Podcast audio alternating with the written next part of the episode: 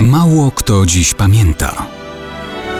Datownik historyczny prezentuje Maciej Korkuć.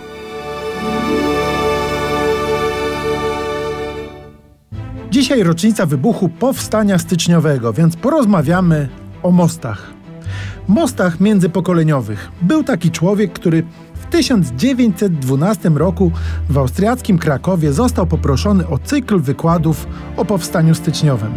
Był znany z tego, że analizując wydarzenia historyczne z ówczesnego półwiekowego dystansu, skrupulatnie wyliczając detale powstańczej sytuacji, chciał, aby były punktem wyjścia do myślenia o przyszłości.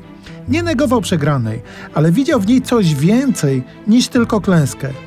Na koniec całego cyklu mówił tak, cytuję: Cały czas w swoich wykładach trzymałem wszystko, co jest uczuciem na uwięzi. Starałem się możliwie obiektywnie przedstawić błędy. Starałem się usunąć na bok wszelką sympatię dla tych, którzy walczyli.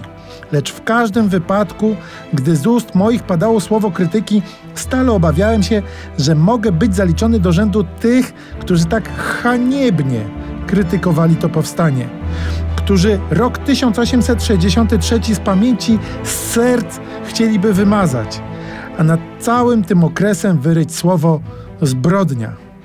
Pocieszałem się tym, że panowie zechcecie zrozumieć moją intencję, że zechcecie zrozumieć, jak szczerze pragnę zbudować most między teraźniejszym pokoleniem a pokoleniem 1863 roku.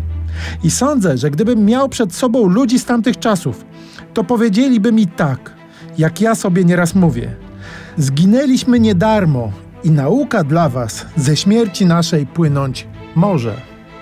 Koniec cytatu. Tak w 1912 roku mówił jako historyk, ale też jako analityk człowiek, który nazywał się Józef Piłsudski. Z szacunku dla walki o wolność, szacunku i podziwu dla powstania, mimo jego klęski, z uporem czynił źródło siły dla nowego pokolenia, które właśnie szykowało się do nowej walki o niepodległość.